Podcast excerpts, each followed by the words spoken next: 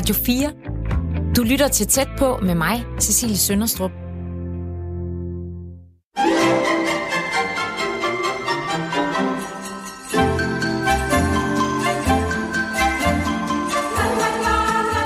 Traditioner, familieforhold, næstekærlighed og kroppens tilstand efter en december måned med masser af fed julemad. Det er nogle af de emner, vi har taget op i ugens udgave af Tæt på, hvor jeg har haft besøg af en gruppe kvinder til julefrokost hjemme i privaten. Kvinderne er vidt forskellige steder i livet, og du vil nu kunne høre nogle af højdepunkterne fra samtalerne rundt om julefrokostbordet. Vi begynder med traditionerne, for juletiden er for mange en tid fuld af traditioner og ritualer, som nogle gange følger os gennem hele livet, og som vi giver videre til vores børn og børnebørn. En af de traditioner, som mange af os holder fast i herhjemme, er netop julefrokosten. Og jeg spørger Bente, Gitte, Sine og Lene, hvad de tænker om den her tradition. Den kan jo være mange forskellige ting. Den kan jo være rigtig, rigtig hyggelig. Øhm, jeg tror nok, jeg synes, den er hyggeligere, efter jeg er blevet voksen. Jeg kan huske som barn, der var jeg ikke særlig begejstret for den. Fordi det er sådan noget, man skulle sidde stille i mange timer. Man ville i virkeligheden hellere være derhjemme og lege. Men øhm, som voksen er det fint nok. Jeg synes, der er sket noget for mig de seneste par år, at det på et tidspunkt var ultra traditionelt med sådan mad, orke og svin i lange baner. Og, og så sådan, efter jeg er blevet mere voksen, så synes jeg med mine venner, at så kan vi godt lide at holde julefrokost, men hvor det ikke er så traditionelt. Så for eksempel har jeg holdt en tyrkisk julefrokost med nogle venner mm. denne her jul. Så vi ligesom prøver sådan at gøre noget lidt anderledes, fordi i virkeligheden er der jo ingen af os, der orker at spise alt det julemad hele december. Hvordan holder man tyrkisk øh, julefrokost? Så er det bare med tyrkisk mad. Det er med nogle veninder, vi har læst sammen i Istanbul. Så, øhm, så har vi lavet tyrkisk mad og ja, bare hygget. Ja. Så det, det kan jeg godt lide, at man sådan gentænker det på en eller anden måde, for det er jo hyggeligt at mødes og samles og spise. Og, ja. Hvad synes I, det kan? Jeg synes, det det kan, det er, at man ses. Både med, på sin arbejdsplads, men også med sin familie. At der ligesom er, at vi ved, at vi skal se hinanden omkring julen. Men jeg synes også, det er rigtig rart at høre, at, at den bliver gentænkt. Og det, det synes jeg også er rigtig vigtigt, at det ikke bliver et snærende bånd, men det bliver en mulighed for, at man kan se hinanden øhm, på bestemte tidspunkter. Og rigtig rart om vinteren, ikke? Men det her med, at det bliver en strammende ting, der, der ligesom øh, man skal komme til, at det skal være på, i en bestemt form, det synes jeg er rigtig rart, at det er, ligesom bliver løsnet op for. Er det fordi, der sådan har været bestemte forventninger til julefrokosten? Synes I? Ja, det synes jeg. Altså, jeg kan ligesom tænke mig to øh, klassiske danske måder at holde julefrokost på. Det ene er firma julefrokosten, hvor man forventer, at det udarter i, i det rene galimatias. Og, og det andet er den, den der lidt mere stramme, måske lidt kedelige øh, familiefrokost. Og, men sådan fornemmer jeg ikke, det er mere. Mm. Altså, jeg har selv selv dagen i dag er en særlig julefrokost. Jeg var også til en meget speciel en i går. Hvorfor var den speciel? Altså, den i går var meget speciel, og den var rigtig, rigtig munter. Øh, det var min søns øh, countryband, som øh, ville samle alle dem, som er frivillige og hjælper dem med at lave en endags countryfestival hver sommer. De skulle samles, og så ville de stifte en forening. Så det, det, alle var meget glade, og det var, der var en, en super god stemning. Du nævner det der med Galle Mathias og, og firma julefrokoster. Altså, det er noget af det, jeg forbinder julefrokoster meget med, at der er sådan en forventning om, med mindre det med familien. Der er selvfølgelig også nogle familier, der virkelig går til den. Men som regel i de der sociale kontekster og arbejdsmæssige kontekst, der er der en forventning om, at man drikker sig helt vildt fuld. At det også noget, I sådan oplever stadig? Er det stadigvæk sådan, er der stadig forventninger om, at man skal drikke sig i hegnet til julefrokosterne? Det tror jeg er meget kontekstbestemt. Jeg er selv på en ret mangfoldig arbejdsplads, hvor der er mange, der ikke drikker. Øh, og det betyder, at vores, vi holder så ikke rigtig en julefrokost, men en fest i løbet af vinteren. Og det er altså meget... Øh, nogen drikker sig sådan forholdsvis fulde, men der er mange, der ikke gør. Og det synes jeg er virkelig rart. Altså, der er plads til, til det hele, og det bliver aldrig sådan en total abefest, hvor det, det virker i hvert fald ikke sådan, at der er nogen, der kommer på arbejde om mandagen og virkelig grammer sig. Øh, og det synes jeg egentlig er en rigtig dejlig ting, fordi det er da virkelig sådan nogle situationer, hvor mennesker bliver sindssygt primitive, ikke? Når de har fået for meget snaps, og altså alle de der klichéer lader jo til at passe til julefrokost. Hvad er det for nogle klichéer, for eksempel? Jamen, kollegaer, der lige er lidt for længe ude i kopirummet, og altså, det der, man lige får sagt en sandhed eller to for meget til chefen, og altså, øh, ja, der tænker jeg, wow, der er vi mennesker altså bare virkelig primitive nogle gange. Ja. Har I andre også oplevet det? Ej, jeg vil sige, at jeg er der også på en, en, en skole, hvor, der er, hvor vi er både gamle og unge, og en, en rigtig, rigtig stor flok unge. Og der er der gang i den, men jeg har egentlig ikke, egentlig ikke oplevet det som, øh, at der har været ubehagelige episoder, men selvfølgelig er der, der nogen, der er fulde, og nogen, der er sjove, og, men altså egentlig er vi samlet om, at det bare skal være rigtig festligt og, og god mad, og vi bliver inviteret af, vi bliver faktisk inviteret af ledelsen, det er dem, der forkæler os den dag, ikke? Så, og det, det tager folk godt imod, ikke? Så Mm. der kan godt være vildt, men det, det er ikke for vildt. Nej. Jeg sidder lidt og tænker på, om jeg selv har, om der er en eller anden julefrokost, hvor jeg er røget helt i hegnet og har dummet mig eller gjort pinlige ting og sådan noget. Af en eller anden grund kan jeg ikke lige huske det lige nu, men jeg har sådan en følelse af, at det har jeg helt sikkert på et eller andet tidspunkt. Er der nogen af jer, der, der har nogle øh, anekdoter, jeg har lyst til at dele ud fra fortiden?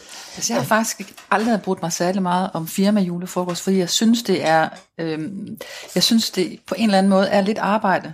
Fordi jeg har heller ikke, jeg har simpelthen ikke lyst til at, at drikke mig i hegnet og mm, um, skreje ud, eller, og det er heller ikke, fordi jeg nødvendigvis gør det, når jeg er sammen med min familie, men, men jeg har altid følt det lidt som arbejde at være til julefrokost, fordi jeg ikke er sådan helt mig selv. Mm. Så jeg har ikke skrejet ud. Nej, så det er, altså der er sådan en, en, en professionel, ikke distance, men du, du er meget bevidst om, at du er i en professionel kontekst. ja, Ja, det er jeg, ja. Det ved jeg ikke, om I andre har oplevet også, eller det Altså, jeg tror, jeg danser generelt ret vildt til julefrokosterne. Men jeg spurgte min, øh, min kollega efter, øh, efter den fest, vi holdt på mit arbejde, så var jeg sådan, ej, var det, dansede jeg lidt for vildt? Var det for meget? Og det sagde hun, at det, øh, det var det ikke. Så det håber jeg. at, at, at hun ikke bare sagde det for at være sød. Ja, hvad skulle hun have sagt? Altså? ja, præcis.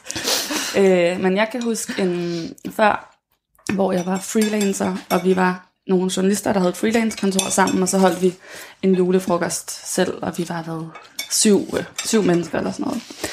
Og, øh, og der kom vi til at snakke om, at fordi der ikke, der var ikke var nogen chef, og der var ligesom ikke sådan den der sådan almindelige arbejdspladsstemning, fordi vi jo alle sammen lidt var vores egne chefer, og det var noget, altså vi havde valgt at sidde der sammen, og så det var ligesom om, at der var heller ikke den der, julefrokosten var ikke sådan en ventil, som jeg tror, den kan blive på nogle arbejdspladser, hvor det sådan, jamen, så er det der, man virkelig kan danse tæt med øh, ham, man måske synes er lidt sød, eller et eller andet. Ikke? Øh, så det var sådan meget stille og roligt, indtil klokken så blev meget sent, og øh, der sker jo som regel aldrig noget godt efter klokken to om natten. øh, bare helt generelt. Eller? helt generelt. Det gør der altså ikke. Øh, og, øhm, og der kom vi nemlig til at snakke om, at vi ikke havde nogen kopimaskine, så vi kunne ikke lave alt det, der ellers skal ske i kopirummet med at tage billeder af vores baller og sådan noget. Og så blev vi enige om, at øhm, vi kunne jo, der var et trykkeri for nogle af de andre, der sad der, de, var, de arbejdede med tryk, altså sådan helt sådan håndværksmæssigt. Og så øh, kunne vi så i stedet for lave tryk af vores baller på nogle t-shirts. Så det gjorde vi. Så det var ligesom, der gentænkte vi sådan kopimaskine øh, situationen. Og det var ret sjovt, så jeg har en t-shirt med et aftryk af mine baller fra den julefrokost. Hvorfor er det egentlig ikke den, du har med som ting i dag? Ja, det burde ja. ja. Den er blevet lidt for vasket efterhånden. ja, og der vågnede jeg op næste morgen med blå baller og tænkte, ah, det var måske lige... Men hvis I alle sammen gjorde det, så Jamen, var det det, var- ikke så slemt. Ja, det, ja, måske var jeg lidt mest den, der gjorde det. men, øh, og der er taget billeder af det, og, sådan, og det var sjovt, men, men måske, ja, der, var, der var lige lidt dagen efter, sådan, ah, var det for meget? Radio 4 taler med Danmark.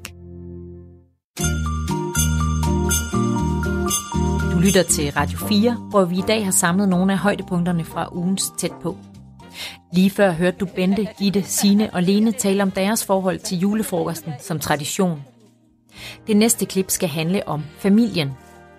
For mange er juleaftens dag forbundet med hygge i netop familiens trygge arme. For andre er den forbundet med klaustrofobiske følelser og frustrationer over at skulle dele få kvadratmeter med netop de mennesker, vi deler blod eller lignende bånd med. I tirsdag spurgte jeg damerne rundt om julefrokostbordet, om de skulle holde jul med familien. Og jeg skal lige gøre opmærksom på, at Christina har taget Bentes plads ved bordet. Jeg skal holde det med øhm, min mor og min lillebror, og min mors mand og min mormor og morfar. Og det skal jeg også.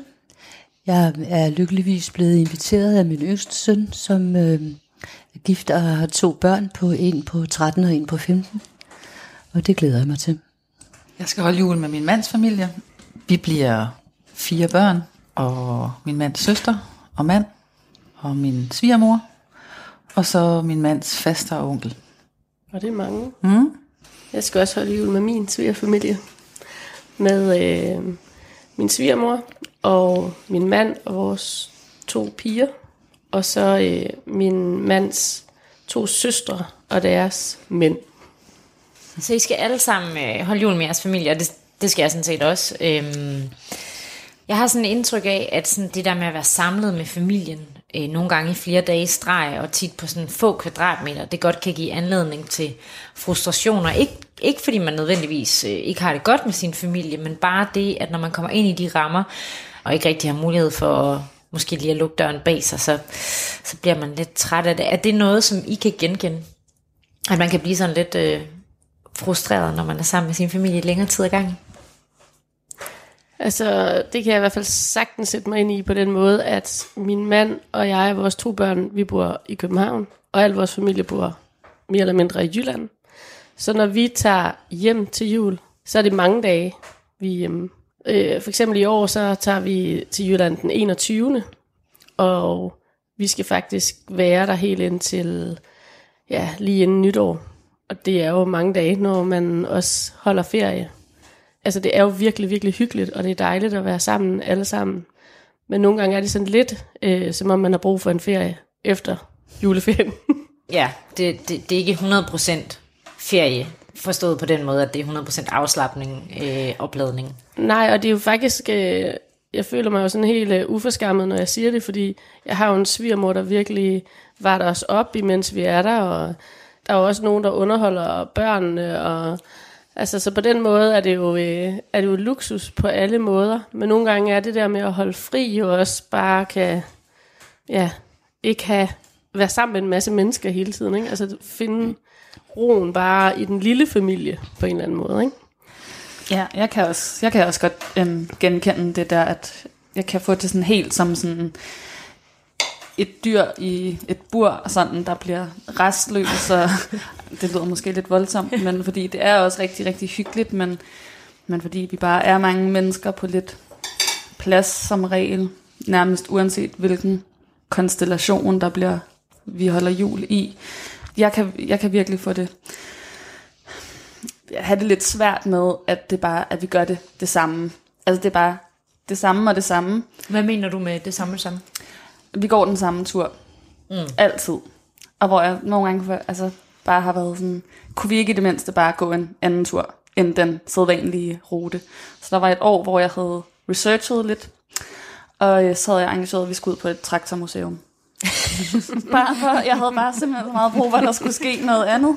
Altså, og det havde åbent lige heldigvis øh, i de der juledage, og det viser at blive helt vildt sjovt, fordi min morfar øh, voksede op på landet i, øh, i 40'erne uden for Herning, og er totalt landmandssøn, så han kunne i virkeligheden fortælle utrolig mange anekdoter om de traktorer, vi så der.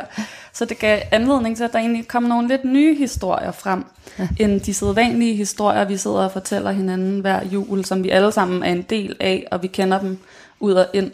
Så det var, det var virkelig sjovt, synes jeg. Jeg kom ind i en meget, meget tæt svigerfamilie, som ser hinanden virkelig meget. Både i sommer og til jul, og det er helt fantastisk at være sammen med dem. Men det, det er simpelthen også for meget for mig at være sammen med så mange mennesker i, øh, i lang tid. Og jeg oplevede, at øh, det var rigtig svært at sige det, øh, fordi at det meget nemt kunne komme til at virke som en anklage mod de traditioner, de havde i forvejen. Så du valgte faktisk at sige det, lyder det som om? Ja, ja, jeg var nødt til at sige det, fordi jeg kunne faktisk ikke rigtig holde til det. Og nu er, nu er det så blevet sådan, at, øh, at når vi for eksempel er i sommerhus om sommeren øh, en uge, så leger vi vores eget sommerhus, hvor jeg kan trække mig tilbage og selv bestemme, når jeg vil gå i seng. Og det samme gør vi faktisk også i julen. Og det fungerer bare mega godt. Fordi så, får, så kan man gå hjem, når man vil, og man kan se en formiddag, hvis det er det, man har lyst til, eller bare ikke være på. Øhm, så, og det er jo, for mig er det jo rigtig rart at høre, at uh, der også er andre, der har det sådan. Hmm? Jeg tror, at de fleste har det sådan. Ja, det kan godt Altså, være. Ja. Altså, selv, jeg tror, og jeg tror, uanset hvor meget man elsker sin familie, og hvor dejligt man synes, det er at være sammen med dem, så er det, tror jeg, et helt naturligt behov, at man også lige har brug for at trække sig og være sig selv. Så det du siger her, det er ligesom, at det handler om det her med, at man er, er øh, på de her få kvadratmeter sammen, og man måske har brug for at kunne, kunne være mere sig selv. Det er sådan et aspekt, men jeg kommer også til at tænke på, om der, om der kan være noget i forhold til de relationer, man har indbyrdes i familien. Altså er der nogle roller, der pludselig træder i kraft, som man ikke er vant til, når man bor alene eller alene sammen med en partner?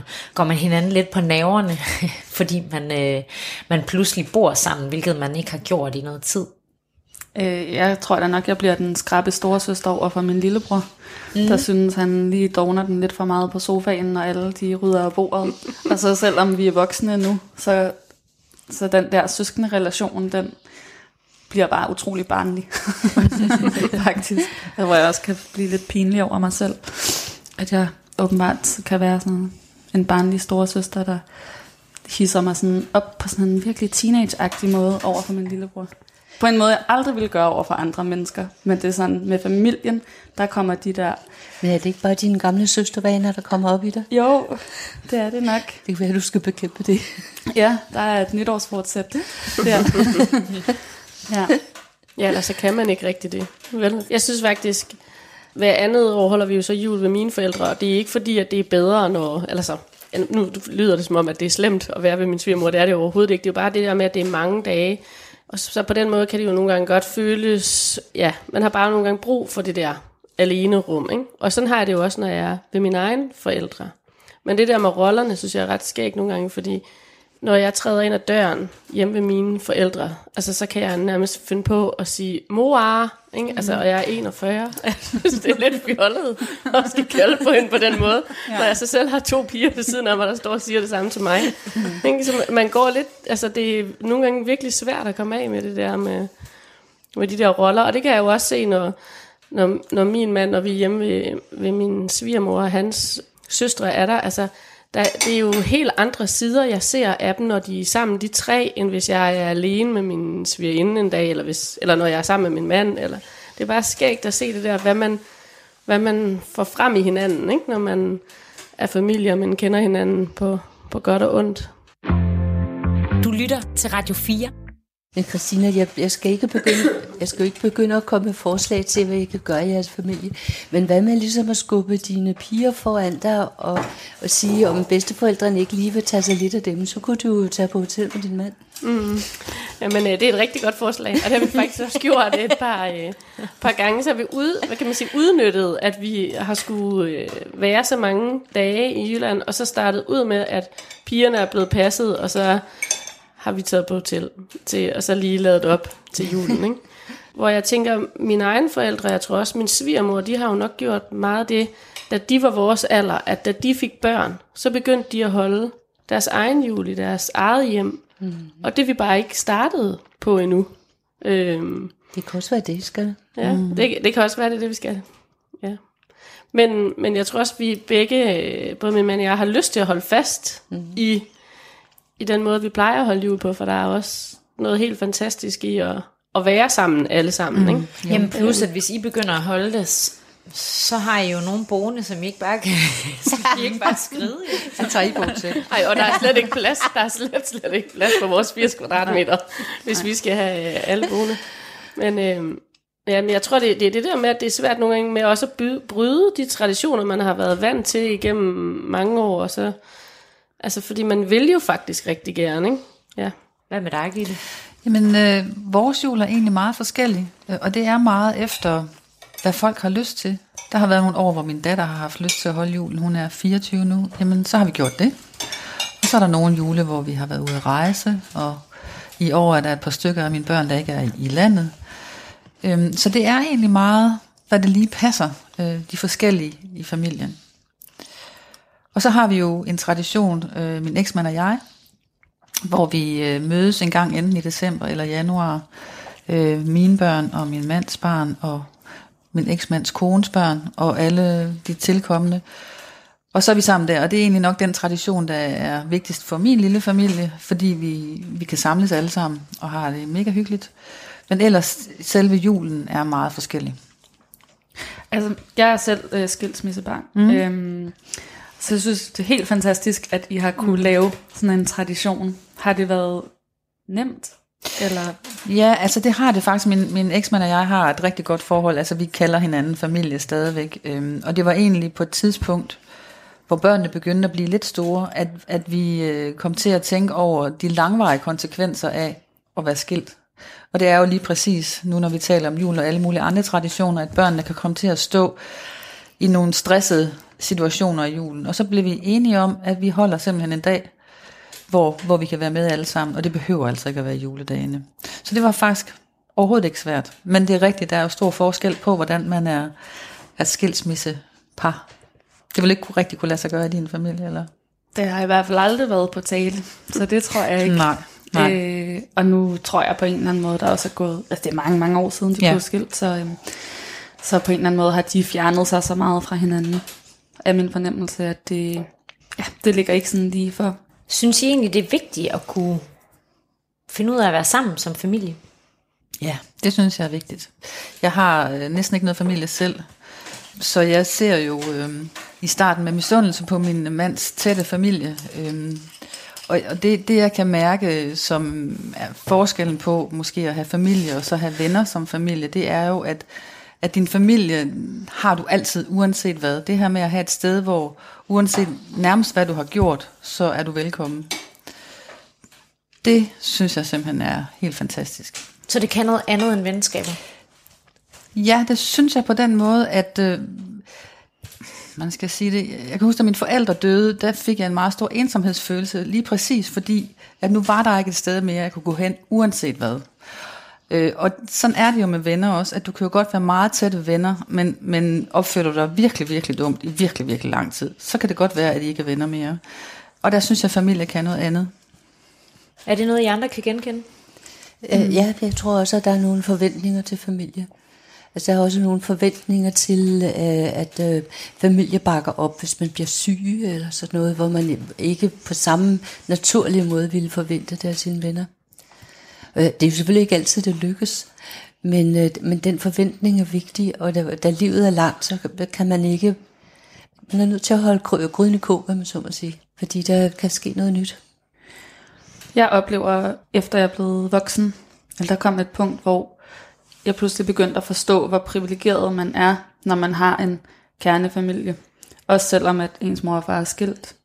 Men bare det, at man har en god relation til sin familie, og at de netop kan være det sikkerhedsnet, fordi det er der godt nok mange, der ikke har. Enten fordi de ikke rigtig har noget familie, eller fordi man har så dårlige relationer.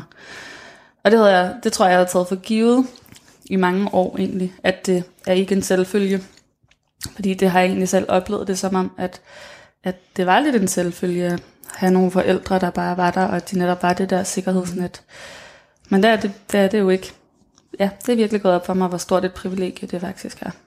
Men jeg tænker også på, at det er fordi, du så også er i 30'erne nu. Mm. Fordi jeg tænker jo meget med mine børn, som er i 20'erne, og lige sidst i 20'erne også, at, at i de år, der er det jo, synes jeg, forældrenes opgave at blive ved med at holde, holde gryden i kog, som du siger. Fordi at I er så meget ude over stepperne, og familien tager man for givet. Så hvis den relation skal holde, også når man bliver ældre, så, så synes jeg faktisk også, at det er forældrenes ansvar.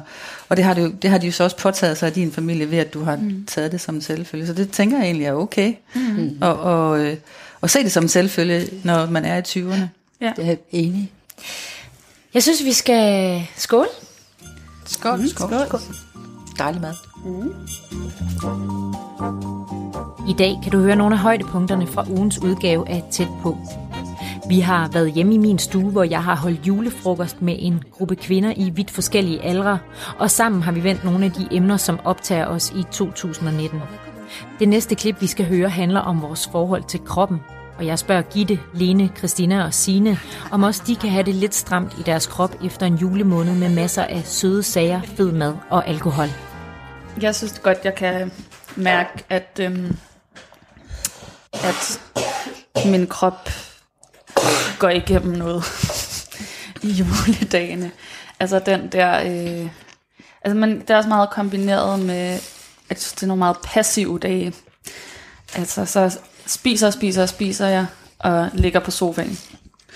Så øh, jeg bliver da sådan lidt træt af min krop. Altså, jeg kan godt få det rigtig skidt af alt det der julemad. Altså sådan fysisk. Altså, jeg tænker nogle gange over, at jeg en dag bliver en af dem, der bliver indlagt juleaften. altså, og jeg tror også, det er det der med, at man er jo ikke vant til at spise i de mængder, og heller ikke, altså, det er jo også fed mad tit, ikke? Altså, ja, jeg kan virkelig godt blive skidt tilpas. Så fed mad, Ja. det, det kan godt ramme dig hårdt. Ja, og så er det jo så også sådan, at jeg er jo også en af dem, der får gedine tømmermænd. Og det er jo, synes jeg, både tageligt for, øh, for min familie næste dag, men det er jo også virkelig uretfærdigt over for mig, synes jeg. Altså, for der findes jo folk, som bare kan rejse sig fra sengen næste morgen og have det helt fint. Og jeg tror, at vi drikker sikkert nogenlunde det samme, mig og dem, der bare kan rejse sig øh, fra sengen. Men jeg, jeg får... Altså for eksempel Lene, ja. Ja. som har været til julefrokost i går, Ja, jeg og som synes, har det- det helt fint i Jo, dag. jo, men forrige gang, som ikke er så længe siden, til gengæld kan jeg ikke huske, hvornår det var, eller hvor, i hvilket sammenhæng. Eller hvad der skete. der fik jeg til Men hvordan er dine tømmermænd så? Fordi mine, det er jo sådan nogle, der gerne var tre dage. Og den første dag er tit, hvor jeg bliver nødt til at ligge ude på badeværelsegulvet, fordi det er helt køligt. Og så med hovedet, altså sådan kinden trykket helt ned, og så ligge derude og sove. Det kan jeg godt huske fra den første gang, da jeg var 18 år, og jeg havde fået for meget snaps. Der kan jeg huske, at jeg havde det sådan. Så se, det er færdigt. Men Hvordan har I det egentlig med jeres krop sådan generelt? Ikke bare i julen, men sådan i det hele taget? Altså jeg synes, øh, jeg har egentlig som ung haft det godt med min krop, øh, jeg har, men jeg har også sådan prøvet at gøre noget for at, for at have den krop, jeg gerne vil have. Jeg synes, det har været svært øh, de sidste åringer, hvor jeg er gået overgangsalderen og har taget på, hvor det kropsbillede, som jeg havde af mig selv som ung, øh, ikke er helt det samme som nu. Og det har jeg kæmpet lidt med, og prøvet alle mulige slangekurer, og det hjælper jo ikke, det ved vi jo godt. Øh, Men nu har jeg faktisk prøvet at gå tilbage til den måde, som jeg egentlig var, da jeg var ung, øh, hvor jeg simpelthen mærkede efter, hvad det var, jeg havde brug for af mad, og så spiste det. Øh, og det kan godt være lidt scary business i starten, fordi øh, der har man faktisk mest lyst til flødechokolade hele tiden, hvis man lytter efter sin krop. Men, men øh, jeg synes faktisk, øh, det her med at, at prøve at ture mærke efter, hvad det egentlig er, kroppen har brug for, øh, det virker rigtig godt. Øh, og det, jeg synes, der er lidt interessant med den måde, jeg har det med kroppen, det er, at hvis jeg kigger på alle mulige andre mennesker, så synes jeg faktisk, at alle er, altså alle ser godt ud. Jeg har slet ikke noget problem med, om nogen er for tykke, eller for tynde, eller for høje, eller for lave. Og du har jo Men meget med lige- krop at gøre, fordi du er Jeg er fysioterapeut. fysioterapeut. Jeg, jeg ja. tænker aldrig på de mennesker, jeg ser øh, i min klinik. Om, jeg vurderer dem aldrig. Sådan har jeg det overhovedet ikke. Men lige med mig selv, der er der lige et eller andet. Det ved jeg ikke, om I kender. Ja, fuldstændig. Fuldstændig. Og jeg havde sådan en sjov oplevelse øh, i foråret, hvor jeg skulle flytte. Og så skulle jeg pakke min lejlighed i Odense ned, og, øh, og så kom jeg til at sidde og kigge på en masse gamle billeder, fordi jeg også samtidig skulle sortere lidt ud. Jeg skulle flytte til en mindre lejlighed, og, øh, og så kiggede jeg på sådan nogle gamle billeder af mig selv fra gymnasietiden, hvor jeg bare kan huske, at, øh, at jeg var så utilfreds med min krop. Altså jeg synes bare, jeg var alt for tyk, og alle andre var meget tyndere. Jeg synes slet ikke, jeg var flot, eller havde en pæn krop. Og når jeg så kigger på de billeder nu, så tænker jeg bare, hvorfor havde jeg det sådan? For jeg så mig selv og tænkte sådan, jeg havde da en fuldstændig fin krop. Altså den var hverken, den kunne jeg da godt være glad for, men det var jeg bare overhovedet ikke. Og det var så sjovt at se på sig selv, sådan nu øh, 15 år senere, og egentlig være sådan, jeg ærgerede mig over, at jeg brugte så meget energi på at være utilfreds med min krop, egentlig, fordi det var der ikke nogen grund til. Men hvad med nu for eksempel? Har, er du... Nu er det det, det, er det samme. så jeg er ikke blevet klogere. Min svigermor, hun siger faktisk noget klogt. Hun, øh, hun siger, når jeg kigger på billeder af mig selv i 40'erne, så synes jeg, jeg så mega godt ud. Når jeg ser på det nu, mm. dengang synes jeg, at jeg så forfærdelig ud, eller jeg var for tyk, eller et eller andet. Så hun har bestemt sig for, at øh, hun kan lige så godt nyde der, hvor hun er nu, for det bliver ikke bedre. Mm. Det bliver kun værre. Ja. Og det synes jeg faktisk er meget god pointe. Ja. ja. Meget realistisk. ja, meget realistisk, ja. Nej, men fordi det var præcis det, jeg skulle til at spørge om. Kan vide, om du ikke vil have det sådan om 20 år, når du ser billeder af dig selv. Nu. Sikkert. Og det er også derfor, det er så åndssvagt, at jeg ikke på en eller anden måde kan tage den der oplevelse og overføre den til nu. Og være sådan, der er ikke nogen grund til at gå og bruge så meget energi på at være utilfreds med min krop. Fordi det kan være, ja, om 15 år, så tænker jeg, at den var fuldstændig, som den skulle være. Mm. Så det kan jeg godt være lidt træt af, at jeg ikke kan lægge fra mig, egentlig. At det er bare totalt indgroet sådan indlejret i mig at være ikke rigtig tilfreds. Du lytter til Radio 4. Jeg har det meget sådan, at, at, at jeg har det med at fokusere på det negative. Altså en ting er sådan det hele billede, men også at når jeg står foran et spejl, så kigger jeg på alt det, som jeg synes kunne være bedre. Det er virkelig sjældent, jeg kigger på noget på min krop og siger, ej, det der, det ser bare vildt godt ud. Altså, nu ved jeg ikke, om I kan genkende det også, at man, man, man har en tendens til at fokusere på det negative, men hvad, hvad tror I, hvorfor tror I, det er sådan, at mange gør det? Altså, jeg synes det, synes, det er svært at have en mening om, det er noget, der øh, bor i vores natur. Så det vil jeg lade ligge.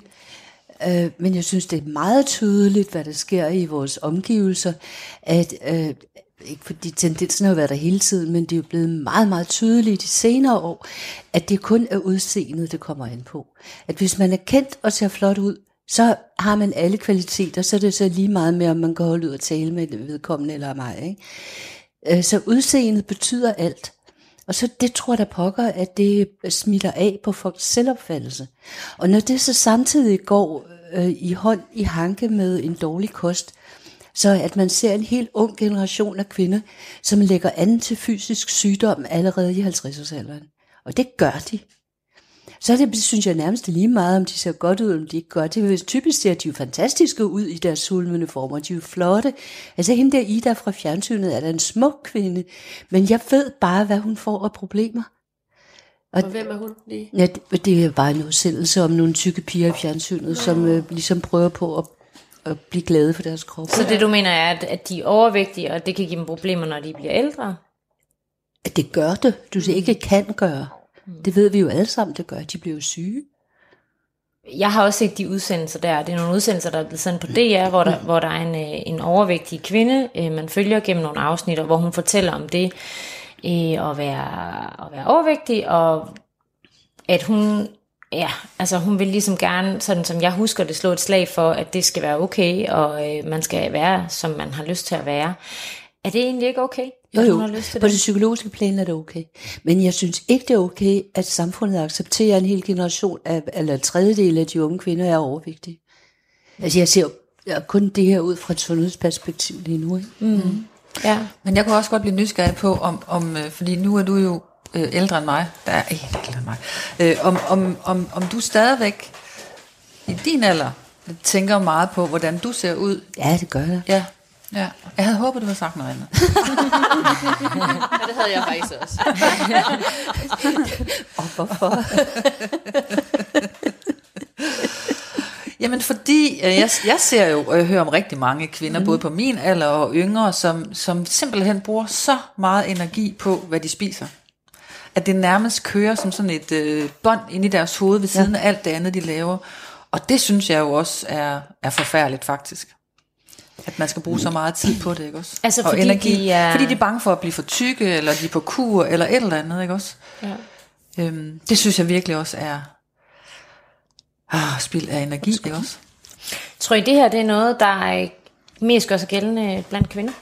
At, de tænker meget, at vi tænker meget over, øh, hvordan vi ser ud, og måske ser os selv i et lidt negativt lys, at vi kunne gøre noget mere for at se bedre ud og være tyndere. Jeg tror, det er mere dominerende blandt kvinder, men det gælder også hos mænd. Ja. Altså det ved jeg fra min egen familie og øh, øh, venner. Altså at de tænker der også over det, og der er også idealer om, hvordan mænds kroppe skal være.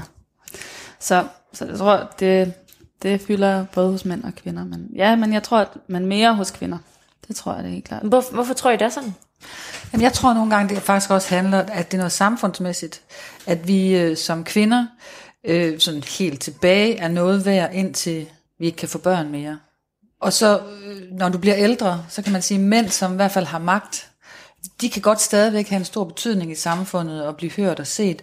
Men kvinder, når de kommer når en vis alder, så, så har de ikke så stor en betydning mere i samfundet. Hvis du ser på skuespillerinder for eksempel, når de når over de 40-50, så kan det være svært for dem at få roller. Øh, TV-speaker eller hvad det kan være. Øh, og jeg tror på den måde, så ved vi måske godt ubevidst, at det er ret vigtigt, at vi bliver ved med at se unge ud. Fordi vores udløbsdato er, er tidligere i det game, end det er hos mændene. Det har vi fået brændt rigtig dybt ind i vores sind, det her. Ikke? Ja. Og jeg mener faktisk ikke, det stemmer med virkeligheden. Det kan godt være. Altså, jeg mener, at mænd ser ikke sådan på det, som piger gør. Det er mm. mest piger, der mm. tænker på de her ting. Og vi har en forestilling om, at, øh, at den der attraktive mand, øh, direktørtypen, der skifter konen ud og, og gifter sig med en, der er yngre. Okay, det kan godt være, at han også har sine problemer i overgangsalderen og er bange for at dø. Ikke? Men jeg tror ikke, at det er så hyppigt, som vi selv tror. Det er jeg til gengæld glad for, du siger. ja. ja. Jeg synes, at når jeg ser mig omkring, så synes jeg, at der er rigtig, rigtig mange mænd, som er lykkelige og glade for deres temmelig uheldige koner. Og jeg har da aldrig hørt en mand, der egentlig talte om, at de synes, at meget tynde piger var attraktive. Det synes de bare ikke. Men spørgsmålet er også, om det måske lige så meget er et game, vi har med os selv. Altså Ja, med, med kvinderne. Øhm, altså jeg tænker da på nogle gange, hvis, hvis vi skal i byen, og jeg tager pænt tøj på, så er det måske egentlig ikke så meget for mændene. Det er faktisk måske egentlig mere for kvinderne. Mm. Har I det også sådan? Eller? Jeg kan godt følge dig i det i hvert fald, det der Ja. med, at man vil gerne, altså man vil jo bare gerne se smart ud, og mm. altså, man vil bare gerne se godt ud, ikke? Og man, nogle gange ved man ikke helt, hvem det er for, mm. faktisk. Mm. Det er meget, altså det kan jeg sagtens genkende. Ja, eller tit er det for en selv jo også rigtig meget, Ja. ikke? Altså, Jo, og det giver et boost, eller man, ikke? Altså det, man, det er da klart, den måde, man præsenterer sig på, det er med til lige at gøre, hvor rangt man lige føler sig den dag. Og der er jo også undersøgelser, så vidt jeg ved, der viser, at det vi betegner som smukke mennesker, de har nogle fordele i livet. Mm. Altså, at mm, de har lettere ved at få jobs og anerkendelse og alt muligt, ikke? Så Det er jo sådan en ret øh, urimelig valuta, mm. eller det er jo Ja, ja. unfair, fordi det er bare sådan noget, man er født med det, og så får man en masse foræret egentlig. Mm. Ja. Det er lidt ligesom tømmermændene, det er bare uretfærdigt. Det er også derfor, man også godt kan blive sådan lidt vred på dem, der ser lidt for godt ud, ja. ikke? Altså blive sådan lidt... Ej, hvor er det. Og der tror jeg da nemlig, at vi kan være rigtig hårde ved hinanden, os kvinder imellem. Ikke? Altså også det der med, øhm, jeg kan da godt tage mig selv i, og ikke tænke særlig solidariske tanker om andre kvinder, hvis jeg bare lige bliver lidt for misundelig på, at de både er øh, tynde, smukke og kloge og har succes.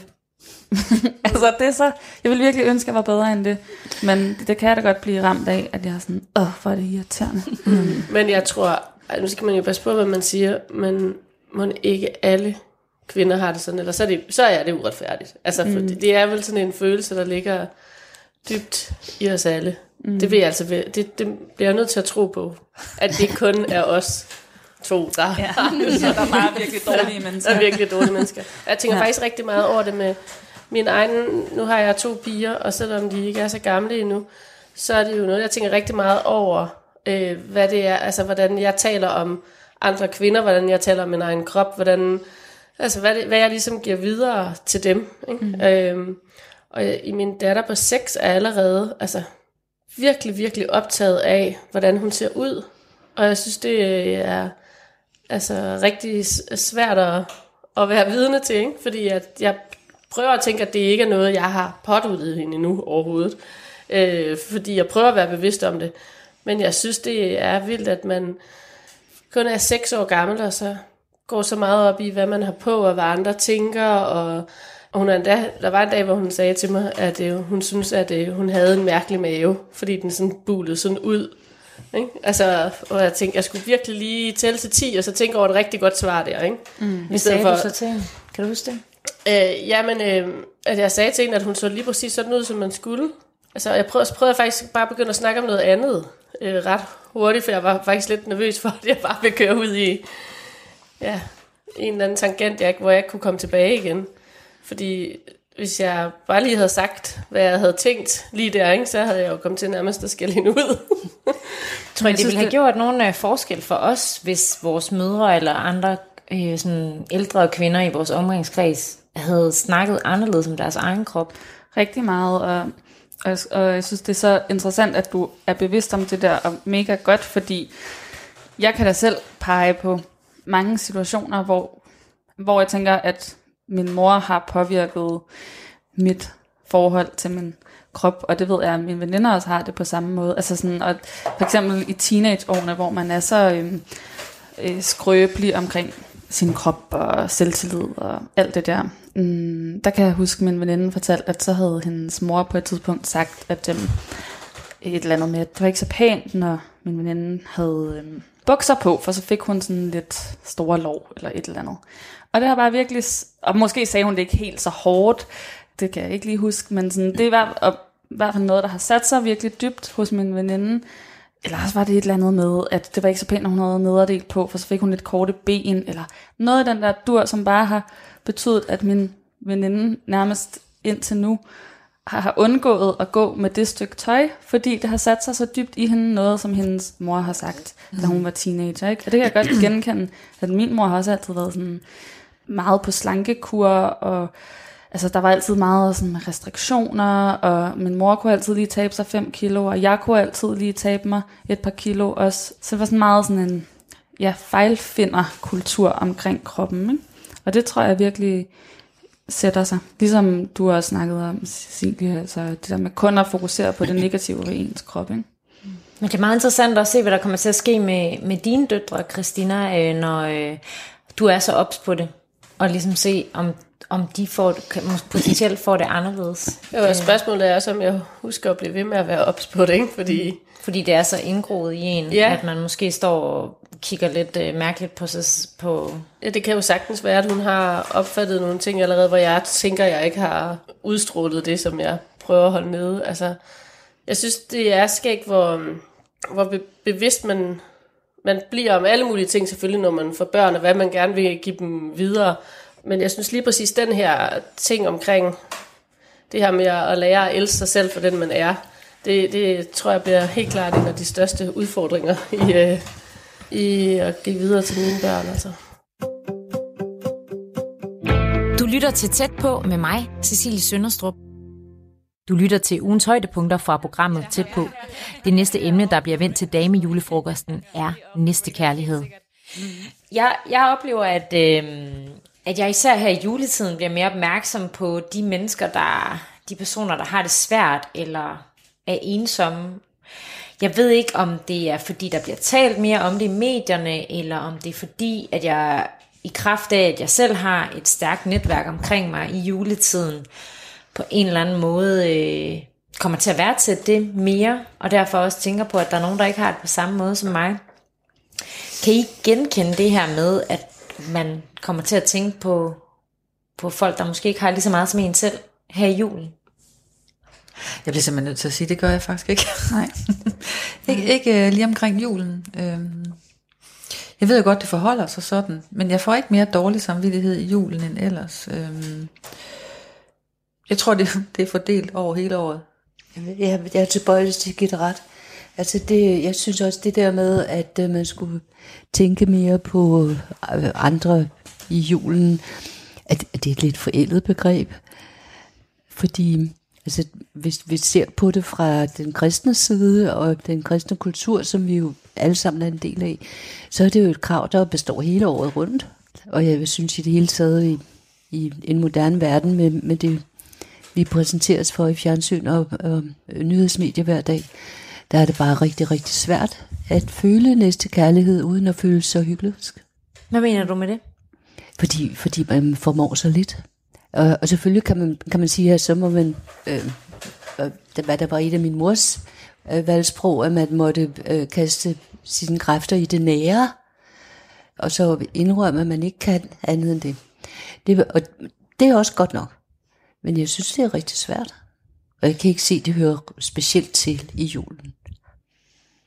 Altså, altså på mange måder er jeg helt enig i, ikke? i hvad I siger der. Men øh, jeg tror, man hører mere om, op mod jul. Hvordan der er mange, der sidder alene, og altså i medierne, og man, der er også altså, utallige julefilm, og sådan noget, der handler lige netop om, om det. Ikke? Øhm, så jeg tror, det er noget, jeg altid har forbundet med julen, og jeg, jeg kan, altså, jeg er jo også øh, vokset op med, at vi altid har købt ulandskalenderen, og at der har stået nogen fra øh, Frelsens her nede foran Superbrusen med en øh, indsamlingsbøsse frem og spillede en, en lille julesalme eller noget. Ikke? Altså, så jeg, jeg tror, jeg forbinder det faktisk øh, meget med julen, at det her med, at øh, det ikke kun er at give til ens nærmeste, men også, at man også skal huske på dem, der ikke har så meget i julen faktisk. Altså hvis jeg skal være helt ærlig, så tror jeg mig selv i, øh, da jeg fik at vide, at næste kærlighed var, øh, var emnet for den samtale, vi har nu, at øh, så fik jeg det sådan sådan, ej, ej, skal jeg lige, skal jeg støtte et eller andet, sådan, inden jeg kommer, så jeg kan sige, at jeg gør det.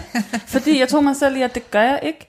Og så, og så blev jeg så bevidst om, sådan, at jeg har jo lyst til at fremstå nu her som et øh, menneske, der gør noget. Så det var sådan en total egoistisk øh, tankegang. Det skulle kun være for at få mig selv til at fremstå bedre. men, men nej, jeg gør ikke noget særligt i julen, og øh, så meget tænker jeg heller ikke Skal på. du heller ikke have dårlig samvittighed over.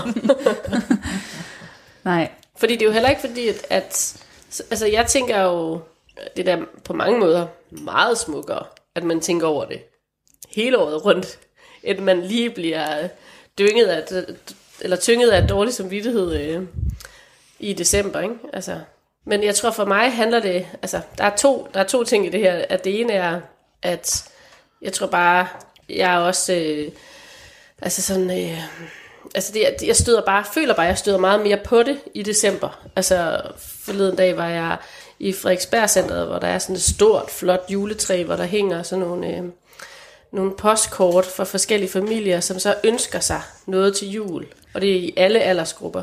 Og så kan man købe det, man kan tage det postkort, så kan man købe det, og så kan man give det til nogle andre. Nu gør jeg det ikke. men, øh, men altså, øh, jeg, man støder jo ind i det hele tiden, synes jeg, i december. Det her med, at der er andre, der ikke har det lige så godt som en selv. Så derfor kan jeg godt forstå, hvad du mener, Cecilie, at det er en, for mig er det noget, jeg forbinder med, med december og julen, ikke? Ja, og jeg, jeg arbejder som, øh, som journalist, og der har jeg for eksempel lavet en, en artikel, øh, sidste jul var det, om julehjælp, øh, hvor jeg interviewede en mor, øh, som skulle søge julehjælp. Jeg går bare lige ud og henter æbleskiver, men snak endelig videre. Ja. Øhm, og hun kunne også huske, hvordan hendes mor også havde søgt julehjælp, og var forfærdeligt pinligt. Hun synes, det var som barn at skulle gå ned på det her kontor og hente poser. Hun følte bare, at alle kunne se, at nu kom de gående der med deres julehjælp, fordi de ikke selv havde råd til at købe gaver og flæskesteg og den slags. Og, og nu havde hun så ligesom selv skulle sluge en kamel og gøre det samme. Og hun synes, det var ja, skamfuldt også. Ikke? Og der blev jeg da også lige konfronteret med sådan, hvordan julen også kan være, at når man, når man ikke har, har råd til øhm, lige det der ekstra, som julen kræver, især når man har børn, ikke? hvor det jo også er vigtigt, at øhm, de også kan komme i skole og fortælle, at de har fået en julegave.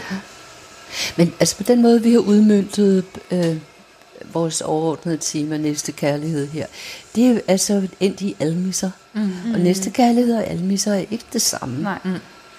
Nej.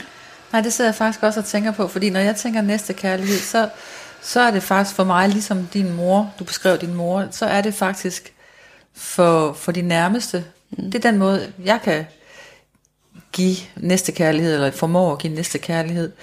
Og en af de ting, jeg synes for mig er næste kærlighed, det er at blande mig i andre folks liv. Så hvis jeg går forbi noget, og det kan være, jeg kan huske, at mine børn synes, det var helt forfærdeligt, hvis jeg gik forbi nogle børn, som slåsset, og hvor jeg var lidt usikker på, om det var for sjov eller ej, så blandede jeg mig øh, og spurgte ind. Og hvis jeg ser andre ting, så jeg blander mig simpelthen. Og det, det synes jeg faktisk også er en form for næste kærlighed, at vi tør blande os i hinandens liv. Og på mit arbejde, jeg er fysioterapeut, øh, og der oplever jeg også mennesker, som, øh, som ikke er i stand til, og ikke har familie, der kan hjælpe dem igennem systemet. Og der, der er jeg også andet end fysioterapeut, og hjælper dem med det, selvom det egentlig ikke er mit arbejde. Og for mig er det egentlig mere næste kærlighed end, end almisser. Og det er egentlig mm. det, jeg ser som det. Mm. Ja. Og med det skal vi så ikke sige uh, tak for, uh, for den her uh, gang, og den her dejlige damejulefrokost. Skål, og tak, tak fordi vi kom. Og glædelig jul, og godt nytår. Ja, godt og nytår. Godt nytår. Du har lyttet til nogle af højdepunkterne fra denne uges tæt på. Rundt om julefrokostbordet sad Gitte Hovgaard, Signe Christiansen, Lene Ravn, Christina Pedersen og Bente Christiansen. Programmet var tilrettelagt af mig, Cecilie Sønderstrup, og fik du ikke det hele med, kan du finde udsendelsen på radio4.dk.